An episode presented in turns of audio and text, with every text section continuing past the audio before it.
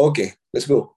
Jadi ini ada tips diet saat liburan uh, yang teman-teman bisa lakukan. Bisa juga teman-teman gunakan atau bisa teman-teman apply ketika teman-teman lagi liburan. Dan alhamdulillah, masya Allah, tabarakallah. Setelah kemarin saya liburan sama istri saya itu lima hari, enam hari, lima hari kalau nggak salah ya, kurang lebih lima hari teman-teman. Saya on progress naik 1,5 kilo. Kemudian istri saya masih on progress dan alhamdulillah masya Allah tabarakallah turun teman-teman malah. Yang tadinya mau fat loss maintain berat badan tapi malah turun berat badannya kurang lebih satu kiloan gitu. Mungkin berat badannya pindah ke saya ditransfer oke okay, so nomor satu ya. Nomor satu yang teman-teman harus dan bisa lakukan ketika teman-teman lagi liburan tapi teman-teman lagi progress diet adalah teman-teman lakukan yang namanya be aktif ya. Jadi ada satu penelitian teman-teman yang menyatakan bahwa untuk bisa dapetin hasil maksimal dalam progres penurunan berat badan atau diet teman-teman adalah dengan melakukan komposisi aktif harian itu lebih banyak atau biasanya dikenal dengan istilah non-exercise activity thermogenesis. Seperti yang teman-teman ketahui, kalau kita bicara tentang total daily energy expenditure atau total kalori harian yang digunakan oleh tubuh kita dalam hal ini dibakar untuk beraktivitas dan lain-lain itu so far 60 sampai 80 persennya itu digunakan untuk basal metabolic rate teman-teman ya. Atau kalori harian minimum yang digunakan untuk kita bernapas kita kayak saya ini berbicara, kemudian untuk kita berpikir, dan masih banyak lagi kondisi-kondisi tubuh yang memungkinkan untuk bisa beraktivitas jika kita memenuhi basal metabolic rate-nya. Sementara teman-teman, 6 sampai 50% kalori itu digunakan untuk non exercise activity thermogenesis nih. Kayak saya bergerak, saya berdiri, saya duduk, saya berjalan, nyapu, ngepel, jalan kaki, apalah namanya gerak aktif harian, itu 6 sampai 50% kalori digunakan untuk non exercise activity thermogenesis. Kemudian 0 sampai 30% kalori yang masuk itu digunakan untuk exercise activity thermogenesis. Atau dalam hal ini bahkan ada yang bilang bahwa hanya 4% aja kalori yang masuk ke dalam tubuh kita itu digunakan untuk olahraga. Artinya teman-teman nggak harus olahraga yang mati-matian untuk bisa uh, melakukan proses pembakaran kalori. Karena apa? Karena so far yang digunakan paling cuma 0 sampai 30% atau 4% dari kalori yang masuk ke dalam tubuh kita. Kemudian 8 sampai 15 persennya itu digunakan untuk mencerna makanan. Thermic effect of food. Jadi total daily energy expenditure atau TDEE e yang masuk ke dalam tubuh kita kalori yang masuk itu langsung dipecah untuk BMR, basal metabolic rate, untuk non exercise activity thermogenesis, untuk exercise activity thermogenesis, dan yang terakhir adalah untuk thermic effect of food. Kenapa mencerna makanan butuh energi? Iya dong, kan ada gerak peristaltik, ada gerak mengunyah, mendorong makanan, mengolah dan segala macamnya. Itu butuh energi, teman-teman. Ya, maka dari itu kalau teman-teman perhatikan, pada saat liburan, jangan mager. Saya sering dimarah tuh sama istri saya. Kalau kalau lagi liburan tidur tuh jangan jangan liburan, di rumah aja. tidur tuh bisa di kamar, di segala macam. Justru pada saat liburan kita harus perbanyak gerak aktif, teman-teman. Ya, kalau bisa jalan kaki, jalan kaki. Kalau ke mall, ngiterin mall dulu ya. berapa berapa ribu langkah baru. Ya, jadi selama liburan teman-teman justru harus aktif, bukan santai-santai. Bukan berarti teman-teman uh, sibuk, bukan, tapi jangan bukan jangan apa sih namanya? hindari hindari aktivitas yang sedentary atau yang mager, duduk lama dan segala macamnya. Ya justru pada saat liburan kalau teman-teman mau memaksimalkan program diet teman-teman untuk mencapai hasil yang lebih optimal dan maksimal, teman-teman harus lebih aktif ya. Kenapa aktif itu sangat penting? Yang pertama adalah 63 persen teman-teman, 63 persen. Bahkan ada penelitian yang bilang 63 persen kalori yang masuk ke dalam tubuh kita itu digunakan lagi untuk proses gerak aktif harian. Yang mana eh, semakin aktif seseorang, biasanya moodnya makin bagus, kemudian eh, kebugaran dan tingkat kesehatannya juga makin bagus, dan dalam hal ini juga berkaitan dengan yang namanya fat loss atau program diet teman-teman. So number one is be active ya. Nomor dua, nomor dua yang paling penting adalah snack wisely. Kenapa? Pastikan teman-teman pada saat lagi liburan itu bekal dalam tasnya makanan-makanan cemilan yang rendah lemak, tinggi protein. Teman-teman boleh pakai snacking bar, boleh pakai protein bar, boleh juga misalnya buah-buahan, boleh juga misalnya kacang-kacangan, ya. Intinya adalah harus punya snacking atau punya cemilan yang teman-teman bisa konsumsi di tengah-tengah waktu-waktu rawan ketika teman-teman lagi liburan ya seperti yang saya lakukan dan istri saya lakukan kemarin pada saat liburan teman-teman itu kita sedia fit bar. Fit bar wah ini fit bar harusnya bayar nih promosi. Atau teman-teman bisa sekarang lebih dulu liburan wah susah teman-teman. Kalau sekarang kita datang misalnya kalau di Indonesia ya kalau ada Indomaret atau Alfamart ya teman-teman tinggal masuk ada yogurt ada ada protein bar ada snacking bar banyak pilihannya ya. Kalau kacang-kacangan teman-teman bisa pilih roasted almond terus atau kacang mede tapi biasanya kalau kacang-kacangan itu lebih cenderung bisa jadi bumerang buat program diet kita. Kenapa?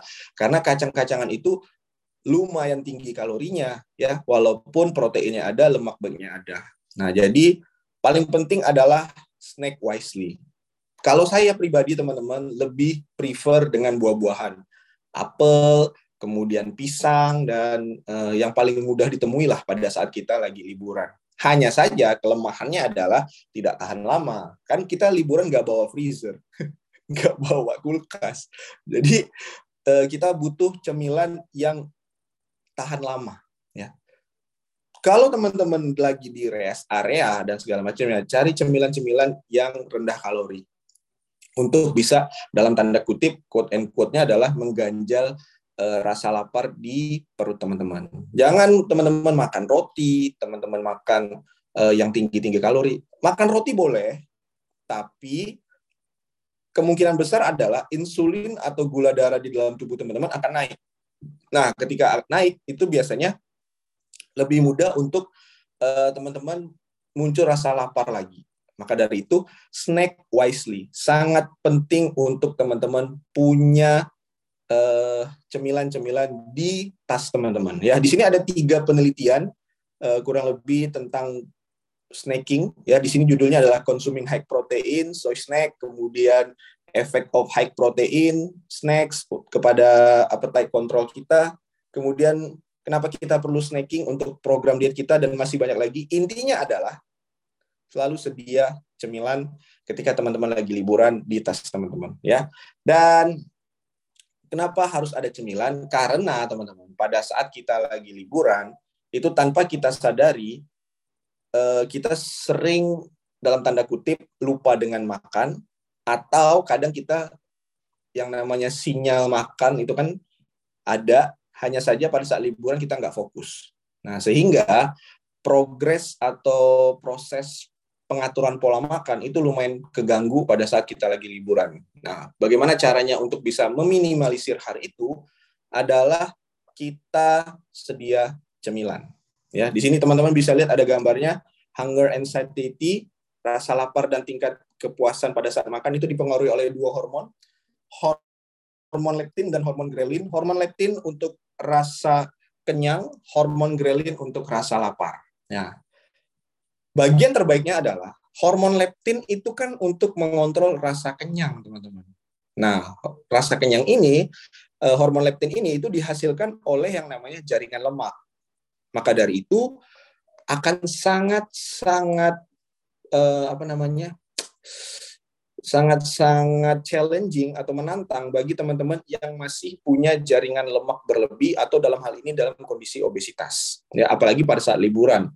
Rasa lapar, kemudian keinginan untuk makan atau craving makanan-makanan tertentu itu bisa teman-teman minimalisir dengan cara teman-teman punya stok snack cemilan pada saat teman-teman lagi liburan.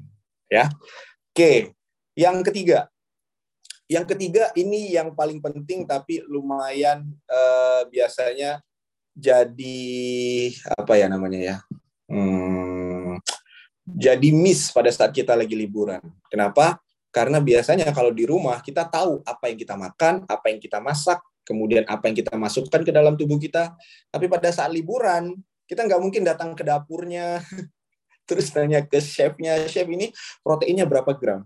Chef ini uh, gulanya berapa sendok? Nggak mungkin kita bisa nanya kayak gitu kan. Kalaupun ada uh, sedikit sekali restoran atau rumah makan yang bisa kita lakukan seperti itu. Maka dari maka dari itu teman-teman penting banget pada saat lagi liburan teman-teman memperhatikan atau aware dengan porsi teman-teman pada saat makan ya teman-teman bisa gunakan watch portion size illusion di mana teman-teman bisa pilih pilih piring dengan ukuran yang lebih kecil sehingga makanan terlihat lebih besar atau teman-teman bisa gunakan juga hand portion ya gunakan tangan.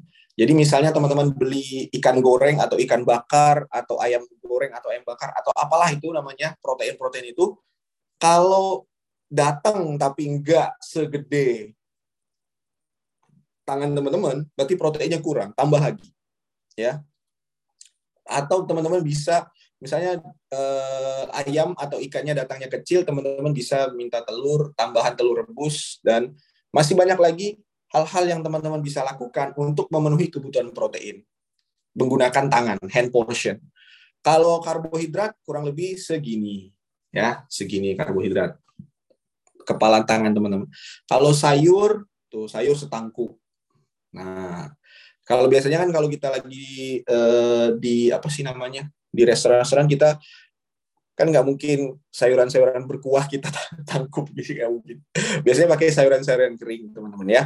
Nah itu untuk sayur-sayuran. Kemudian kalau teman-teman mau pakai sambal terus teman-teman mau pakai kecap dan segala macamnya bisa sejempol sejempol uh, ruas jari teman-teman. Nah itu bisa menggunakan hand portion juga. Dan ini kami lakukan teman-teman. Pada saat kami lagi liburan kemarin itu kami menggunakan uh, portion size illusion sekaligus hand portion dan yang paling penting adalah untungnya pada saat liburan kemarin kan coach Ade pengen turun berat badan atau fat loss. Sementara saya pengen naik berat badan. Jadi coach Ade pesan satu porsi dibagi dua. Setengah porsi dia makan, setengah porsi kasih ke saya. ya, karena saya butuh surplus kalori, coach Ade mau defisit kalori. Nah, jadi teman-teman bisa strategi-strategi itu teman-teman bisa lakukan pada saat teman-teman lagi liburan, ya. Atau teman-teman e, bisa sedia kontainer atau barang atau apa sih namanya kotak makanan yang teman-teman ketika lagi makan di suatu tempat ternyata porsinya sangat banyak, teman-teman bisa bagi dua, terus masukin setengahnya ke kotak makanan teman-teman, terus nanti teman-teman bisa makan di sore harinya atau di malam harinya. Jadi dibagi dua, ya. Kenapa? Karena ini lumayan lumayan ngebantu banget teman-teman dalam memaintain progres diet teman-teman ketika lagi liburan. Terutama yang paling penting dan harus dipahami adalah label makanan. Kalau teman-teman membeli makanan di store atau di mana pun ketika teman-teman lagi liburan, perhatikan serving size dan portion size. Satu bungkus dengan satu sajian itu beda, ya. Jadi kalau teman-teman lagi misalnya teman-teman beli minuman, atau teman-teman beli uh, snack-snack atau beli makanan lain ketika teman-teman lagi liburan. Teman-teman perhatikan label nutrisinya. Satu servingnya berapa, satu penyajiannya berapa, karena kadang kita itu tanpa kita sadari kita justru menghabiskan satu porsi atau satu bungkus makanan dibandingkan kita hanya makan satu sajiannya aja. Nah, ya. Jadi kemampuan teman-teman untuk aware dengan porsi makanan, kemampuan teman-teman untuk memperhatikan label nutrisi, kemampuan teman-teman untuk mengatur asupan protein, eh, karbohidrat, serat, lemak itu juga akan sangat-sangat berpengaruh dalam hal ini progres diet teman-teman semua. Dan itu tips yang ketiga. Eh, tips yang keempat apa? Tips yang keempat adalah mindful eating. Pada saat lagi liburan, itu memang hormon serotonin, hormon do, apa dopamin, hormon-hormon kebahagiaan, oksitosin itu kan lagi meluap-luap teman-teman. Keinginan untuk multitasking itu sangat besar. Foto, buat video, terus melakukan aktivitas-aktivitas lain, ngobrol dan lain-lain sebagainya. Tapi pada saat makan, teman-teman harus lakukan yang namanya mindful eating. Enggak lagi megang HP, makan ya makan, terus minum ya minum supaya apa? Supaya teman-teman uh, aware atau sadar pada saat teman-teman makan. Kenapa? Karena sinyal yang diberikan oleh sistem pencernaan ke otak itu lewat perantara hormon, teman-teman. Hormon perantaranya itu adalah pembuluh darah ya. Jadi penye, uh, sinyalnya itu sampai lewat pembuluh darah. Beda kalau sistem saraf. Kalau sistem saraf itu perantaranya adalah impuls listrik. Jadi cepat. Barat contoh misalnya teman-teman mau ditabok, hmm, teman-teman langsung bisa tangkap. Tapi kalau lapar, kenyang, itu sinyalnya lama sampai ke otak, ya. Karena perantaranya pembuluh darah. Artinya di sini adalah kenapa kita harus mindful eating adalah supaya sinyal pada saat kita makan itu segera sampai ke otak kita. Dan kita bisa fokus dengan apa yang kita makan, rasanya seperti apa, volumenya seperti apa, dan masih banyak lagi sensori-sensori yang kita rasakan ketika kita melakukan mindful eating. Maka dari itu, sangat penting pada saat liburan, teman-teman tidak melakukan banyak aktivitas ketika lagi makan atau lagi minum. Nah, ini penting banget ya. Di sini juga ada uh, beberapa penelitian yang memberitahukan kepada kita bahwa mindfulness based intervention for obesity related eating behavior a literature review di situ dikatakan bahwa orang-orang yang mengalami obesitas ketika mereka melakukan praktek mindful eating mereka mengalami perubahan dalam hal ini hasil programnya ya. Coba deh teman-teman kalau nggak percaya. Sekarang kalau makan itu nggak usah dulu megang HP, nggak usah dulu nonton, bener-bener teman-teman mindful eating, mindfulness. Sadar apa yang teman-teman makan, berapa sendok, berapa besar protein apa ayamnya, uh, rasa sayurnya dan segala macamnya ya. Kenapa? Karena mindful eating di sini manfaatnya adalah listening to your body and stopping when full. Kita sadar dengan rasa kenyang yang muncul ketika kita makan, kemudian eating when our body tell us to eat, eating with others at set times and places, eating food that are nutritional healthy when eating just eating. Ya, jadi pada saat makan ya makan. Considering where food comes from. Jadi kita sadar juga ini makanan dari mana, apa yang kita makan dan masih banyak lagi kesadaran-kesadaran yang muncul pada saat kita melakukan mindful eating, ya. Terus tips yang keempat, tips yang kelima adalah fokus on fiber. Pada saat lagi liburan, memang kita sangat besar kemungkinan dibanjiri oleh makanan-makanan yang lumayan kan. Kalau kita ke daerah itu kan pasti pengen wisata kuliner. Atau misalnya kita lagi di suatu negara di luar negeri, kita juga pasti fokus pada makanan apa nih yang khas di sini. Nah, biasanya hal itu sangat-sangat bertolak belakang dengan pemenuhan kebutuhan serat dalam tubuh kita. Maka dari itu sangat penting banget pada saat liburan teman-teman fokus untuk memenuhi asupan serat. Kenapa? Karena satu, sangat penting frekuensi buang air besar juga harus diperhatikan pada saat lagi liburan. Kalau teman-teman BAB-nya nggak lancar, kemungkinan besar nanti teman-teman liburan itu perutnya bloating, ya, agak agak kembung terus agak-agak apa sih namanya, agak-agak buncit. Padahal teman-teman nggak buncit-buncit amat, tapi karena masih banyak sisa-sisa ampas makanan yang belum keluar karena frekuensi BAB nggak lancar, itu akan sangat mengganggu aktivitas teman-teman pada saat lagi liburan. Ya, Terus yang kedua, kalau teman-teman memenuhi kebutuhan asupan serat harian, teman-teman akan lebih mudah menahan lapar atau dalam hal ini lebih kenyang lebih lama. Ya, fokus on fiber serat. Teman-teman bisa lihat di sini 500 kalori dari minyak, 500 kalori dari lemak, 500 kalori dari karbo, 500 kalori dari sayur-sayuran dan buah-buahan itu sangat-sangat berbeda tingkat satiety atau level kepuasan di sistem pencernaan kita. Volumenya berbeda, teman-teman. Kalau teman-teman makan makanan yang mengandung serat yang tinggi, itu secara tidak langsung di dalam sistem pencernaan teman-teman itu akan terasa penuh. Ya, teman-teman akan kenyang lebih lama. Beda kalau teman-teman hanya fokus pada karbohidrat sederhana atau teman-teman hanya fokus pada minuman dan lain-lain, tapi teman-teman tidak memenuhi kebutuhan serat. Maka dari itu pada saat lagi liburan, buah-buahan, jangan lupa guys, ya buah-buahan, sayur-sayuran itu sangat penting untuk dikonsumsi. Ya. Nah, itu fokus on fiber. Kemudian yang kedua, eh yang kedua, yang berikutnya adalah fokus on protein. Ya. Jadi pada saat kita makan, pastikan teman-teman juga memenuhi kebutuhan protein harian teman-teman. Jangan sampai teman-teman too much karbo pada saat teman-teman lagi liburan. Itu tuh yang ngebuat bapak-bapak capek nemenin emak-emaknya belanja. Karena too much karbo. Terlalu terlalu banyak makan karbo pada saat teman-teman lagi liburan atau lagi traveling itu cenderung ngebuat teman-teman jadi males, ngantuk, ya jadi mukanya cemberut terus padahal lagi liburan mukanya cemberut terus. Ya jadi pastikan teman-teman memenuhi kebutuhan protein harian pada saat teman-teman lagi liburan.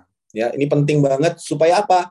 Satu ingat tadi sudah jelaskan di awal ada yang namanya thermic effect of food di mana kalori yang digunakan untuk memproses dan mencerna makanan itu paling banyak digunakan pada saat mereka mencerna protein, teman-teman. 20 sampai 25 persen itu digunakan untuk mencerna protein. 15 sampai 20 persen mencerna serat, 4 sampai 7 persen mencerna karbohidrat, dan 3 sampai 4 persen mencerna lemak. Nah, dari sini teman-teman bisa lihat bahwa kalau kita memenuhi kebutuhan protein harian kita, secara tidak langsung kita juga akan membakar kalori lebih banyak di sistem pencernaan kita di proses thermic effect of food. Dan bagian terbaiknya adalah teman-teman bisa lihat di sini satiety atau tingkat level kenyang, kepuasan di makanan itu terdapat di dua jenis makanan. Yang pertama adalah serat, yang kedua adalah protein. Jadi pada saat lagi liburan, biar nggak mudah lapar, biar kenyang lebih lama, biar selalu Eh, dalam kondisi yang optimal dan progres diet tetap berlangsung secara maksimal, penuhi kebutuhan serat dan penuhi kebutuhan protein.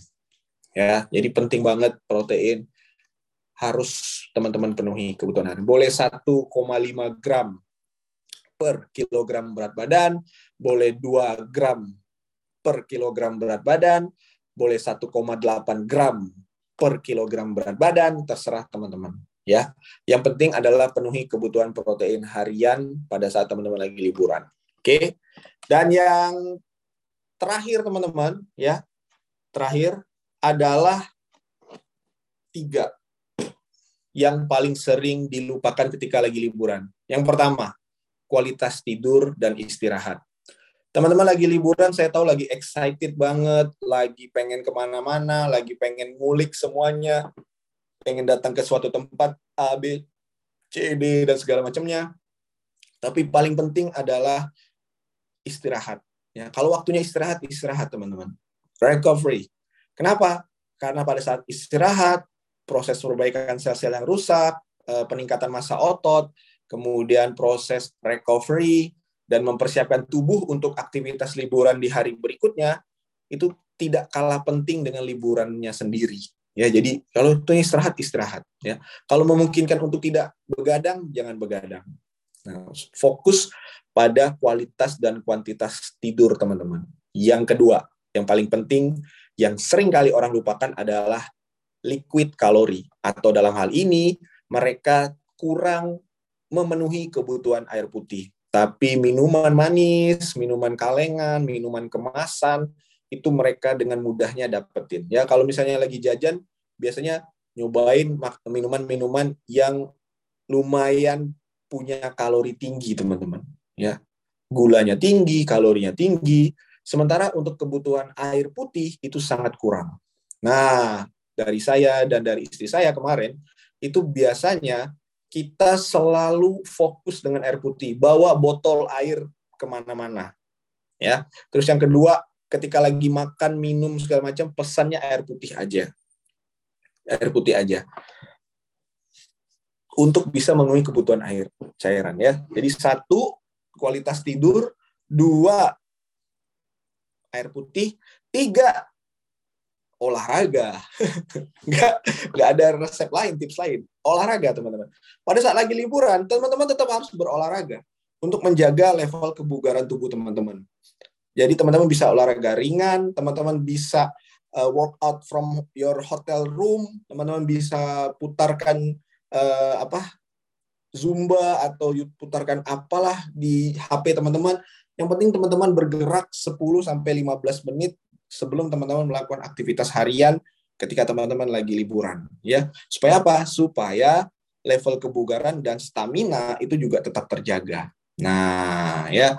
Jadi itulah yang kami lakukan kemarin sekaligus juga uh, ada beberapa teori yang mendukung hal tersebut sehingga alhamdulillah masya Allah tabarakallah nih pada saat pulang liburan tetap on progress dietnya, terus tetap on track dengan programnya, tetap on track dengan segala macamnya, dan masih berada di jalur yang aman. Dan yang terakhir teman-teman, ini yang terakhir, buang jauh-jauh konsep mindset all or nothing. Ya, kalau teman-teman lagi liburan tapi teman tapi teman-teman tidak uh, tidak memungkinkan untuk mengatur pola makan, it's okay. Just enjoy your holiday. Ya, jangan sampai keluarga ngajak ke sini, teman-teman nggak ikutan di kamar aja. keluarga ngajak ke sini, teman-teman nggak mau ikutan. Teman, eh, keluarga ngajak makan di sini, teman-teman nggak mau ikutan. Ya, aduh, jangan juga teman-teman. Holiday is holiday, ya. Jadi tidak ada yang salah dengan teman-teman lagi liburan terus teman-teman uh, bablas atau teman-teman jadi miss dengan atur pola makan. Is okay no problem ya. Tinggal besoknya on track lagi terus tinggal review lagi dan segala macamnya sehingga hal itu bisa teman-teman minimalisir. Nah, jangan sampai teman-teman punya konsep mindset all, all or nothing. Ah, yaudahlah, nanti aja lagi aja lah. Nanti lagi aja lah. Kalaupun misalnya makan siangnya teman-teman dalam tanda kutip keluar dari jalur surplus kalori, is okay. Surplus kalorinya kan cuma dimakan siangnya. Nah, teman-teman langsung back on track di cemilan sore, back on track di makan malamnya, terus teman-teman bisa aktivitas bakar kalori lebih banyak gerak hariannya, dan masih banyak lagi hal-hal strategi-strategi yang teman-teman bisa lakukan untuk bisa menjaga agar teman-teman tetap berada di kondisi on track diet. Tapi buat saya pribadi, guys, garis bawahi eh, apa namanya? Eh, apa sih namanya sih? Garis bawahi cetak tebal, italik apalah itu namanya format-format Buat saya pribadi, diet itu tidak pernah sama sekali mengganggu liburan dan liburan itu tidak pernah sama sekali mengganggu diet. Ya, buang jauh-jauh tuh kok mindset mindset tuh.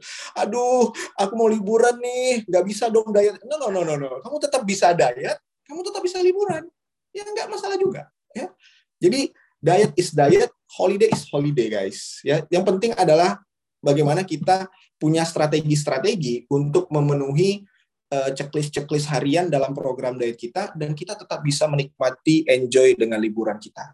Hmm, kayak gitu ya. Kan lucu kalau misalnya uh, aku nggak bisa liburan nih, aku harus lagi diet lah. Kan sayang nggak bisa menikmati liburannya. Liburan mah liburan aja ya. Oke teman-teman, uh, saya rasa itu aja ya itu aja uh, apa yang bisa kami sampaikan berdasarkan experience kami liburan kemarin kemudian berdasarkan juga beberapa teori yang tadi sudah saya sampaikan mendukung apa yang kami lakukan dan saya harap teman-teman juga bisa lebih enjoy pada saat nanti libur telah tiba. Libur telah tiba. Hore hore hore. Ya jadi liburan gas. Liburan mau ke mana? Ayo gas ya. Jadi sekali lagi teman-teman terima kasih. Mohon maaf apabila ada kata-kata yang salah buat teman-teman semua. Uh, nextnya kita akan ada banyak sekali topik-topik yang teman-teman bisa request dan kita bisa bahas terkait gimana teorinya, gimana konsepnya, dan sangat terbuka untuk kita saling berdiskusi. Ya, terima kasih. Have a nice day dan bye bye.